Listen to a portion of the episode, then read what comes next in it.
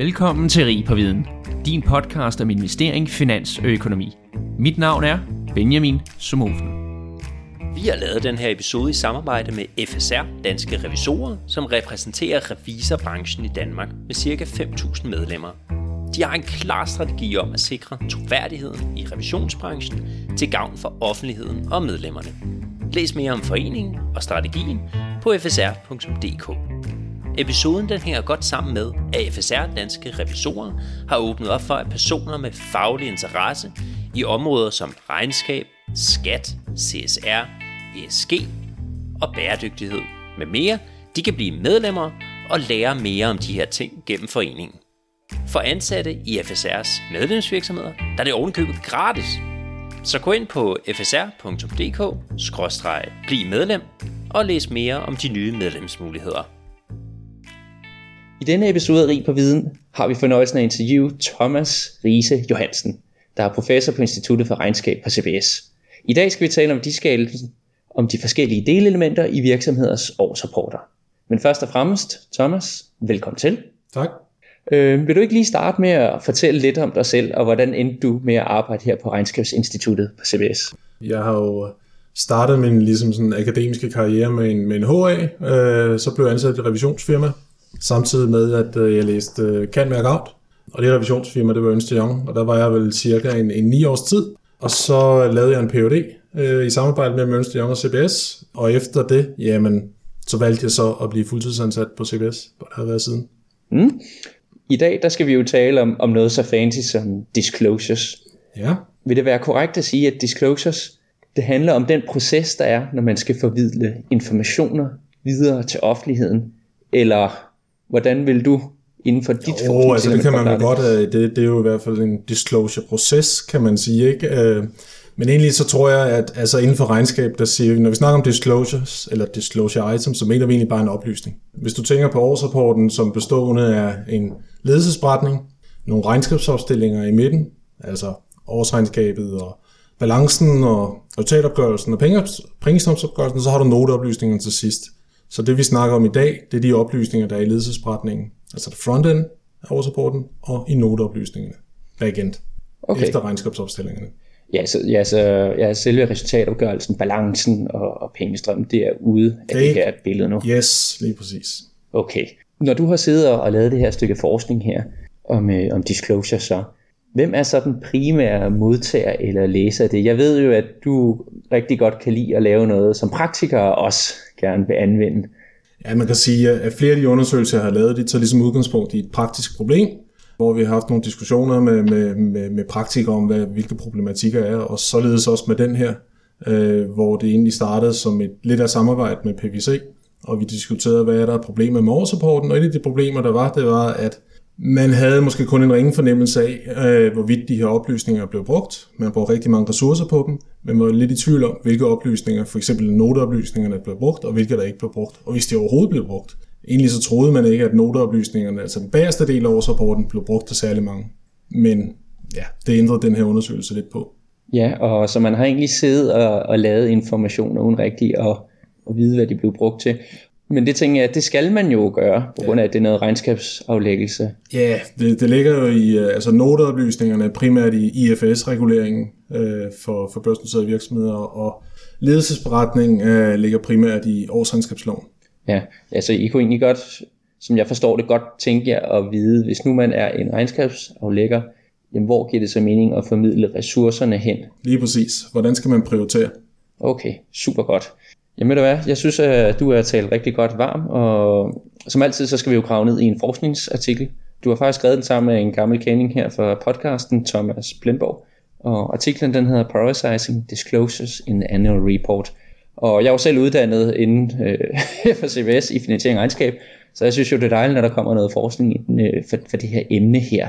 Og vi kommer over til at runde en masse emner, men inden da, Altså skal vi så ikke lige kort prøve at introducere artiklen for lytterne?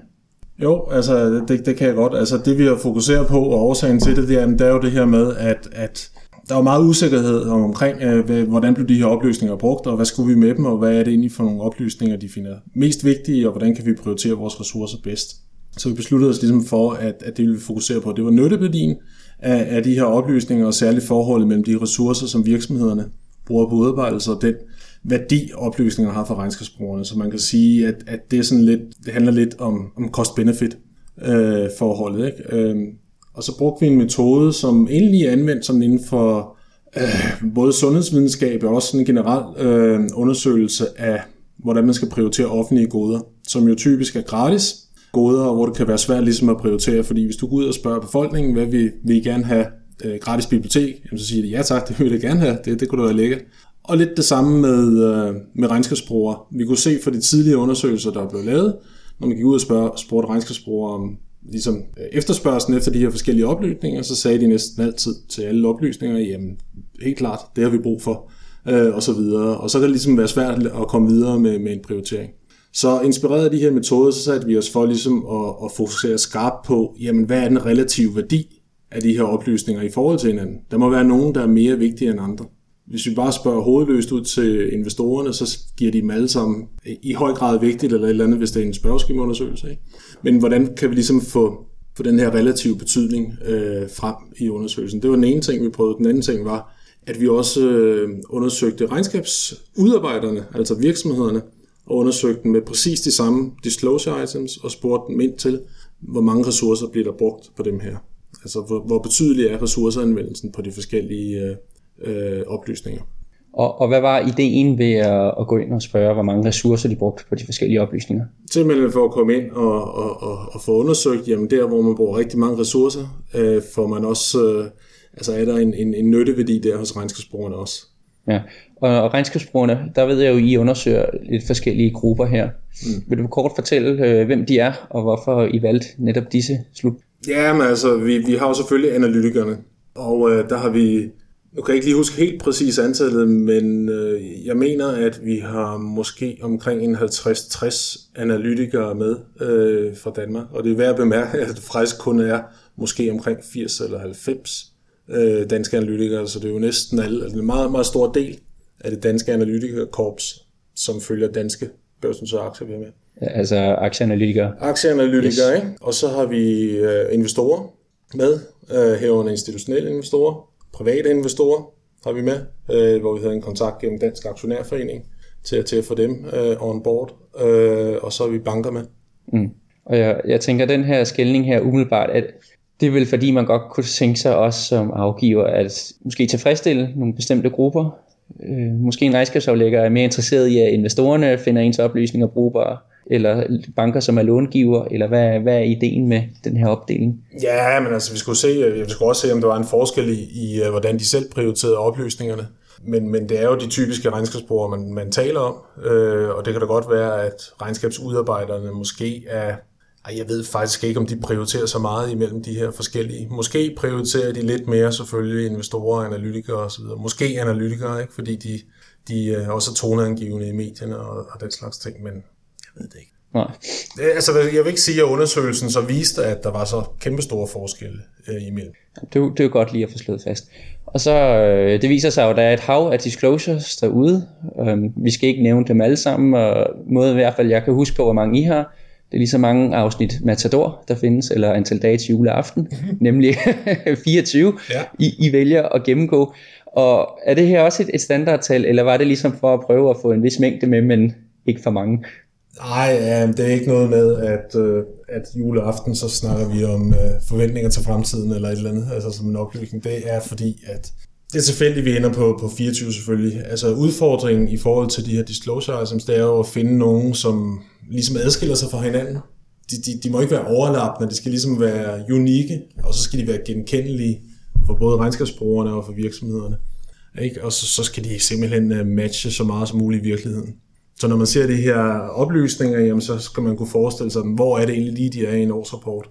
Ikke? Så, så man skal ligesom have, hvad vi er, hvis man hvis sidste gang man læste en årsrapport, det var, lad os sige, DSV, ikke? så skal man lige kunne tænke, nå, okay, forventninger til fremtiden, nå, jamen, det er det, det afsnit, vi taler om, ikke? så skal det ligesom være en genkendelighed. Så vi bruger faktisk ret lang tid på at komme frem til de her 24 items. Ja, og, og bagefter, så skulle vi vel også ud og standardisere de forskellige årsrapporter og sige, den her del i den her ledelsesberetning hører til den her disclosure, hvorimod i den anden virksomhed, som ikke er inden for industri, jamen, hvor hører så den hen? Det tænker jeg vel også. Ja, men, ja altså det kom også i den proces, og, og vi havde utrolig mange pilottest, og både med virksomheder og med brugere, øh, inden vi, vi skød undersøgelsen afsted. Så jeg vil sige, at de her 24 disclosures, det rammer faktisk rimelig godt plet. Altså, vi har ikke efterfølgende, øh, og du skal også tænke på den her undersøgelse, da vi holdt flere store præsentationer over for i hvert fald et par hundrede, både regnskabsudarbejdere og regnskabsbrugere efterfølgende, og fik ret god feedback på, at øh, de kunne godt genkende de her ting, der var reflekteret i undersøgelsen. Så vi er sådan rimelig tilfredse med, hvad vi endte op med ja. i forhold til designet. Jamen, jamen, skal vi så starte med at, at grave lidt ned i det? Altså, fordi det, den har jo til hensigt at måle, hvor vi skaber noget værdi her for slutbrugerne. Så har jeg jo bedt dig om at, at, at finde frem her, hvad top 3 mest værdiskabende disclosures er. Ja, ja men altså, det viser, og det er måske ikke overraskende, når man sådan øh, tænker sig om, men forventninger til fremtiden. Ikke? Altså det her afsnit, hvor virksomheden specificerer, jamen, hvad, hvad, hvad, hvad forventer vi til, til, til fremtiden i form af, af resultatudvikling øh, og den slags ting, eller det kunne også være omsætning. Altså det var klart øh, øh det afsnit, som, som regnskabsbrugerne øh, er mest interesseret i. Så er der sådan noget som oplysninger om særlige poster, altså nogle usædvanlige forhold i løbet af året, som går ind og påvirker årets resultat. Så er der sådan noget som køb øh, og salg af virksomheder, og så er det regnskabsmæssigt skøn. Altså det afsnit, hvor man ikke det der almindelige anvendt regnskabspraksis, men der findes sådan et afsnit øh, under IFS-reguleringen, hvor man skal pinpointe, hvad har vi af væsentlige regnskabsmæssige skøn øh, i, i den pågældende årsrapport. Og hvad kunne et regnskabsmæssigt skøn for eksempel være? Jamen det kunne være forskellige ting. Lad os nu sige, at, at du har en, øh, jamen det kunne jo være alt, altså i, sådan, i en simpel øh, forstand, ikke? Jamen der, så er der sådan noget med, at hvis nu du har nogle til godehavner, øh, altså nogle debitorer, jamen så er det, om, om du forventer at få det fulde beløb øh, tilbagebetalt, eller om du nok regner med, at du må nedskrive øh, nogle af de her til godehavner, fordi du ikke kan få det hele igennem. Og hvad hvis man fører en, en retssag, der måske er, kører nogle år Ja, ja det, det, det er det samme. Ikke? Altså, så er det også skønt, hvorvidt at øh, du forventer at tabe den her, eller du forventer at vinde den her, og i givet fald, øh, hvad er beløbet, hvis det er en erstatningssag, hvad, hvad den her erstatning så ja. vil blive på. Og det, det, det lyder jo som om, at alle de her poster, du siger, det er, når man skal ud og, og prøve at bringe noget sikkerhed i, hvad viser, ja, det er jo egentlig, hvad, hvad fremtiden viser, både med, med skøn og forventninger her. Så øh, kan man sige, at det, der egentlig bliver lagt mest vægt på fra modtagernes side, det er noget, der siger om bundlinjen på virksomheden. Ja, man kan bruge til det at... kan man måske nok. Altså, ikke? altså et eller andet, hvor der er noget uh, prognoseværdi i, i, i forhold til fremtiden. Det, det, det kan man måske nok godt sige, ja. Ja, og er der nogle andre øh, generelle tommelfingerregler, man kan sige, jeres forskning viser, der skaber værdi? I forhold til... Øh... Jamen hvis vi, øh, nu, nu nævnte du for eksempel tre her, men hvis man har alle de her disclosures, og du mm. sagde, der var nogen, der ikke var så overraskende, øh, jeg tænker, der, der havde du nok nogle bagvedliggende tanker for inden os. Ja, Jamen jeg tror, altså det, det er mere, når vi begynder at koble ressourcerne på. Ikke? Altså, hvad, hvad koster de her ting egentlig at, at, at lave? Og så kunne vi bare se, at der var nogle øh, regnskabsposter, hvor det her forhold mellem ressourcer og så efterspørgselen, den var helt skæv. Ikke? Altså, og, og måske især øh, på ledelsesberetningen, hvor man havde nogle, nogle øh, oplysninger, som, øh, corporate governance og især øh, CSR, øh, som blev vurderet af virksomheden som værende meget ressourcekrævende, øh, men hvor regnskabsbrugerne ikke tillagde dem så stor værdi i forhold til de andre poster. Så her der kunne man faktisk godt forestille sig, at det er nogen, når man er ude og, og spørger derude, giver det her værdi? Ja, men, men det hænger slet ikke sammen med de ressourcer, der er brugt. Men, men, de her... men det vidste regnskabsbrugerne jo ikke. Nej. Altså, men altså, vi prøvede jo, altså i forhold til regnskabsbrugerne, vi gjorde jo egentlig det, at vi gav dem et, et budget, hvis man kan sige det på den måde, og så sagde vi, at øh, du skal fordele 100 point ud over de her oplysninger, og du skal vide, at jo flere point du tildeler en oplysning, jo større sandsynligheden for, at du får den. Hvis du giver den 0 point, så får du ikke oplysningen. Det vil sige, at lige pludselig så begyndte det at koste noget for regnskabsbrugerne at få de her informationer. Så det var den øh, hvad skal vi sige, altså vi, vi vil ligesom have dem til at prioritere, ikke? Og, og bruge et budget øh, på regnskabsinformationer. Øh, og i den kontekst, så var det, at øh, altså nogle informationer som CSR og, og corporate governance, de, de røg i bund ja. og ikke blev prioriteret så meget. De vil ikke betale for dem. Det er, jo, det er jo ellers interessant, fordi det er jo noget, hvor der virkelig også er kommet stigende fokus, og nu skrev vi så artiklen for, for nogle år tilbage, men specielt bare de seneste 3-4 år her er det jo eksploderet endnu mere. Kunne man forestille sig, at øh, investorer og modtagere begynder at lægge mere vægt på, på corporate governance end hidtil? Ja, altså jeg ved ikke lige med governance, der, der tror jeg måske nogenlunde, det er det samme. Altså det, der nok er sket med governance efterfølgende, det er måske, at øh, der er mange af de oplysninger, som var på daværende tidspunkt, som øh, er blevet lidt mere er blevet placeret på hjemmesiden. Fordi det er sådan nogle generiske informationer, der i princippet er det samme år efter år. Ikke? Altså, hvordan vi gør i bestyrelsen, hvad vores årsjul er, øh, og sådan nogle ting, og hvad vores forskellige politikker på forskellige områder er på bestyrelsesniveau som så typisk bliver flyttet øh, til, øh, til hjemmesiden, og ikke bliver gentaget år efter år. Man kan sige, at hvis det bliver gentaget år efter år, så er det heller ikke så meget nyhedsværdi inden for investorerne. Så det er nok meget godt. For så vidt angår CSR, jamen jeg tror, at problemet dengang var, at øh, vi begyndte at få noget regulering, øh, som sagde, at man skulle rapportere om det, øh, og virksomhederne gjorde en, en hel del øh, for det, og det koster bare meget, og når du har nogle nye oplysningstyper, du skal sætte systemer op, du skal have datafangst, du skal have rapporteringsprocesser, du skal have interne kontroller i forhold til de her processer, og du skal finde ud af, hvordan du opgør og afrapporterer dem. Og det, det har bare taget mange kræfter. Og på daværende tidspunkt, der var fuldt brugerinteressen ikke lige med. Og dengang, øh, der, der, der tænkte vi, at det var højst sandsynligt, fordi at der var en relativt svag kobling mellem de her oplysninger og så finansiel performance. Eller i hvert fald en meget utydelig kobling.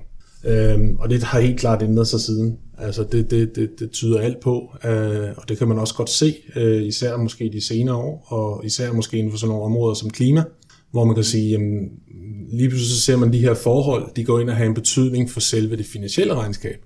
Ikke? Altså når du laver værdiansætter aktiver for eksempel, ikke? Jamen, så spiller klima øh, lige pludselig en, en rolle. Ikke? Altså hvis du forestiller dig, at du skal fastsætte levetiden for nogle produktionsanlæg, øh, jamen så er den måske lige pludselig en anderledes levetid, fordi at du kører på nogle, hvad ved jeg, fossile brændstoffer eller et eller andet, ikke? så skal du lige pludselig sætte den ned. Ikke? Altså, så de her ikke-finansielle forhold, de kommer lige pludselig ind i, i selve det finansielle regnskab. Så den der kobling, øh, den tror jeg er meget tydeligere i dag, og derfor tror jeg også, altså hvis vi lavede den her øh, undersøgelse i dag, at, at de nok vil, øh, de vil ligge øh, noget højere. Men jeg tror stadigvæk, de vil blive vurderet som værende meget ressourcekrævende. Ingen tvivl om det. Og noget andet, I faktisk også undersøger, det er KPI'erne der, var, der nævnte de jo, at I selv var lidt overrasket over. Hvis jeg husker rigtigt, så tror jeg, vi skrev, at vi ikke var overrasket over, at KPI lå så højt. Men det vi så bemærkede, det var, at det var især de private. Det var, det var måske nok det område, hvor vi så den største øh, forskel mellem øh, private øh, investorer og så resten af regnskabsbrugerne, som vi kunne kalde professionelle regnskabsbrugere.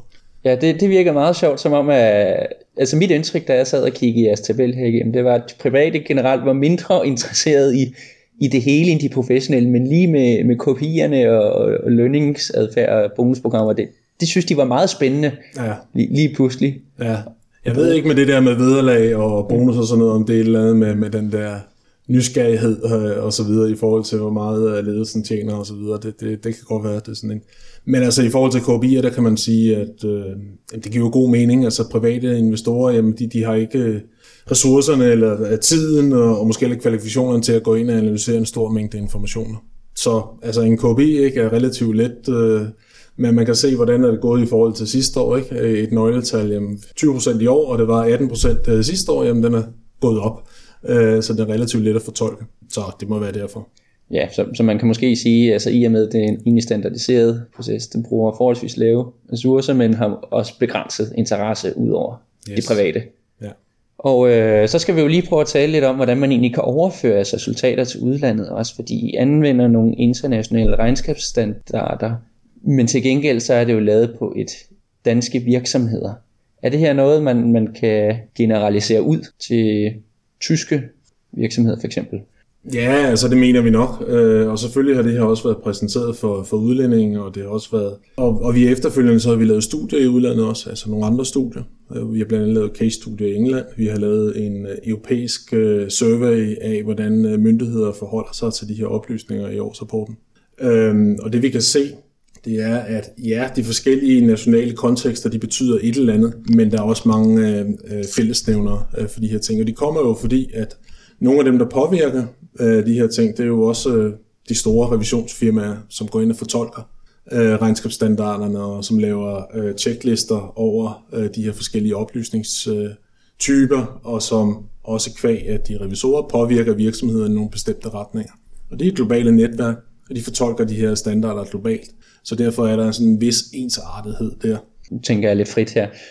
Har du set nogle af de store virksomheder, som også har gået ud og, og dannet fortolkninger på baggrund af nogle af de undersøgelser, du har lavet her? Altså det man kan sige, øh, altså tit så får vi jo det her spørgsmål, om vi kan sige, at vores undersøgelse og så videre har haft en, en impact af en, en eller anden art.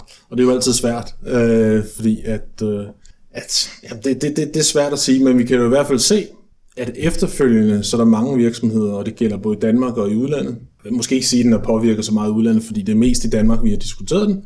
Øh, men vi kan jo se, at virksomhederne har ændret adfærd i forhold til, hvordan de arbejder med de her oplysninger. Altså hvor man kan sige, at førhen, der var noteoplysningerne måske bare et eller andet. Fra 1 til 30 øh, noteopløsninger, så kom de bare i, i en stribe, øh, som, og, og, og måske sådan relativt øh, uengageret, hvis man kan sige det på den måde, eller i hvert fald, hvor man ikke har lagt vægt på kommunikationen af det her.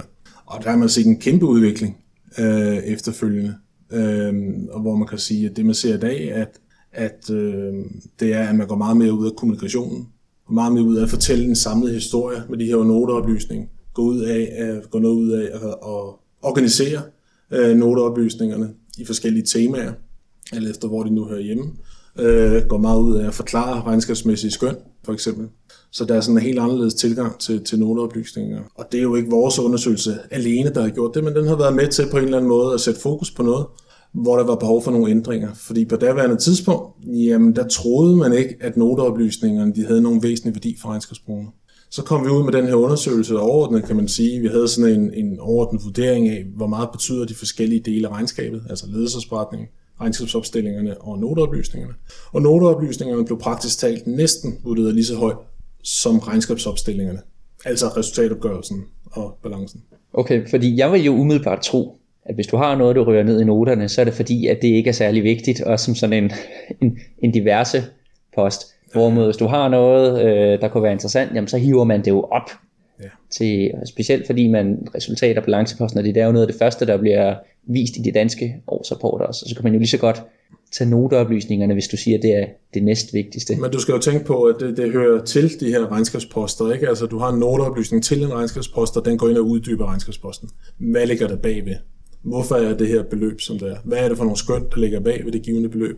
Men det kan måske også være, at det er en øh, deaggregering af et givet beløb. Altså for eksempel segmentoplysninger, som er en noteoplysning, der hører til omsætning. Jamen, det fortæller noget om, hvordan fordeler omsætningen så på, på de forskellige segmenter. Ja, så det er måske ligesom, når, når mange af jer forskere, I tager alle jeres tabeller, og så smækker ned i bunden, at man prøver øh, op i det første at skabe noget flow i fakta, så kan man altid sortere om bagved, og, ja. og grave sig længere ned, hvis man har det analytiske briller på. Ja, det kan man så godt sige. Ja. Var der så andre ting, der ligesom kom på bekostning? Nu siger du, at forskningen har hjulpet med, at noter det ligesom er blevet opprioriteret her, men igen, øh, I har vel også fået en form for budget, hvis vi skal prøve at vende den anden vej rundt. Det har vel været på bekostning af noget andet så, men har begyndt at lægge mindre vægt? Eller bliver regnskaberne blot større og større? Nej, altså Ja, det, det var sgu et, øh, det, det er et rimelig øh, godt spørgsmål, øh, hvad man egentlig... Måske er det i virkeligheden ikke, at man, man, man bruger nok bare ressourcerne anderledes. Men det er klart, at øh, der er selvfølgelig nogle, øh, og smartere, øh, vil jeg sige, ikke? Øh, hvor at man tidligere, når man lavede noteoplysninger, så lavede man sådan en ren checkliste, compliance øh, og, og man havde også sådan et, øh, hvad skal vi sige, og det, det øh, har vi lavet nogle senere case-studier, der viser, at man har havde en meget defensiv tilgang til noterne, forstået på den måde, at vi skulle være stensikre på, at vi overholdt den her regulering. Så better be safe than sorry. Hellere tage lidt for meget med, end at man blev skudt i skoene, at man ikke var i compliance med, øh, med øh, uh, IFRS. Uh, øh, så der kan man sige, at der har man nok været overforsigtig og taget for meget med. Og jeg tror, at, at det er måske nok en af de ting, der, der har ændret sig lidt. Ikke? At, at myndighederne, dengang, at der troede virksomhederne, at eller der var det virksomhedens opfattelse, at øh, det var de nødt til at gøre, fordi ellers kom myndighederne efter dem i regnskabskontrollen og sagde, ja, vi er ikke compliant med, øh, med IAS 36, eller hvad det måtte være, øh, for, for, for en standard. Og der tror jeg nok efterfølgende, at der er kommet en god dialog mellem øh, myndigheder og virksomheder. En god konstruktiv dialog, øh, der hedder, at øh, Jamen, hvis vi gerne vil skabe værdifuld information for regnskabsbrugerne, så nytter det ikke noget, at øh, virksomhederne de har sådan en meget defensiv tilgang til regnskabsaflæggelsen, og fylder årsrapporterne med oplysningerne, som i virkeligheden ikke er væsentlige, men som er med, fordi de skal være stensikre på, at de er i compliance. Øh, så der tror jeg nok, at man er blevet bedre der til ligesom at fokusere på det væsentlige. Og er det noget, om du ved, om virksomhederne er efterspurgt, eller er myndigheden, der ligesom har kunne se, at det her det, det gik i en forkert retning med, at man blev for overforsigtig? Ah, det er nok, øh, virksomhederne vil nok sige, det er dem, der, der, der er efterspurgt det her. Ikke? Og at, øh, men altså, hvis du spørger myndighederne, så vil de jo sige, at virksomhederne de også laver en myte øh, omkring myndighedernes regnskabskontrol. Det kan godt være, at de har nogle opfattelser om, at øh, de vil komme efter øh, hver en detalje, men, men sådan er det måske ikke i praksis. Jeg tror i virkeligheden, det, jeg tror bare, vi skal være tilfredse med, at, at det er gået, som det er gået, og vi har faktisk fået nogle bedre årsrapporter i dag. Meget bedre, end vi havde for en, i 12 år, 10-12 år siden. Og en af årsagerne, der er det her, øh, den bedre dialog mellem myndigheder og virksomheder. Ja, så det er mere blevet... I forhold til regnskabskontrollen. I forhold til regnskabskontrollen. Ja. Og regnskabskontrollen, det er, når revisorerne kommer ud til virksomhederne? Nej, det er egentlig, når myndighederne kontrollerer øh, regnskaberne. Så man kan sige, at revisorerne har en kontrol, og du offentliggør regnskabet osv., og, og så har myndighederne også en kontrol, hvor at de på stikprøvebasis ligesom øh, vurderer regnskabsaflæggelsen, når man har husket de forskellige oplysninger osv. Og så det, der så kan ske, det er jo så, at de tager fat i en virksomhed og siger, at vi mener i forhold til den her nedskrivningstest, der skulle I have oplyst om det og det og det, eller den og den uh, usikkerhed osv., så, så har man en dialog om det. Uh, og så kan man måske finde på at, at sige, jamen så er I nødt til at øh, offentliggøre nogle korrigerede informationer, fordi vi mener, at der er en fejl der. Og det er jo sådan en situation, en virksomhed ikke vil stå i.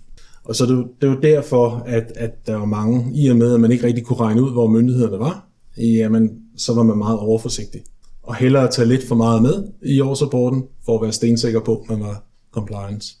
Og hvor i dag det nok har ændret sig til, at øh, virksomhederne ser myndighederne som lidt mere forudsigelige, og, og, og hvad de, de lægger vægt på osv. Så, så derved så møder man hinanden øh, på ligesom i øjenhøjde, øh, kan man sige. Jeg tror bare, at det er en meget, meget væsentlig årsag til, at vi har nogle bedre årsrapporter i dag. Ja, det var super godt. Jamen Thomas, jeg har ikke flere spørgsmål til dig. Men mindre du har andet, så vil jeg bare gerne sige tusind tak, fordi du vil være med her i Rig på Viden. Det var en fornøjelse at have dig med. Det var også en fornøjelse for mig. Tak for, at du lyttede med til Rig på Viden. Jeg håber, at du lærte noget, og hvis du nu synes godt af vores podcast, så kan du støtte os ved at følge den på Spotify eller skrive en anbefaling på iTunes. Inden på LinkedIn, der kan du følge André Thormand, Benjamin Somofen eller Henrik Fode Rasmussen. På genhør.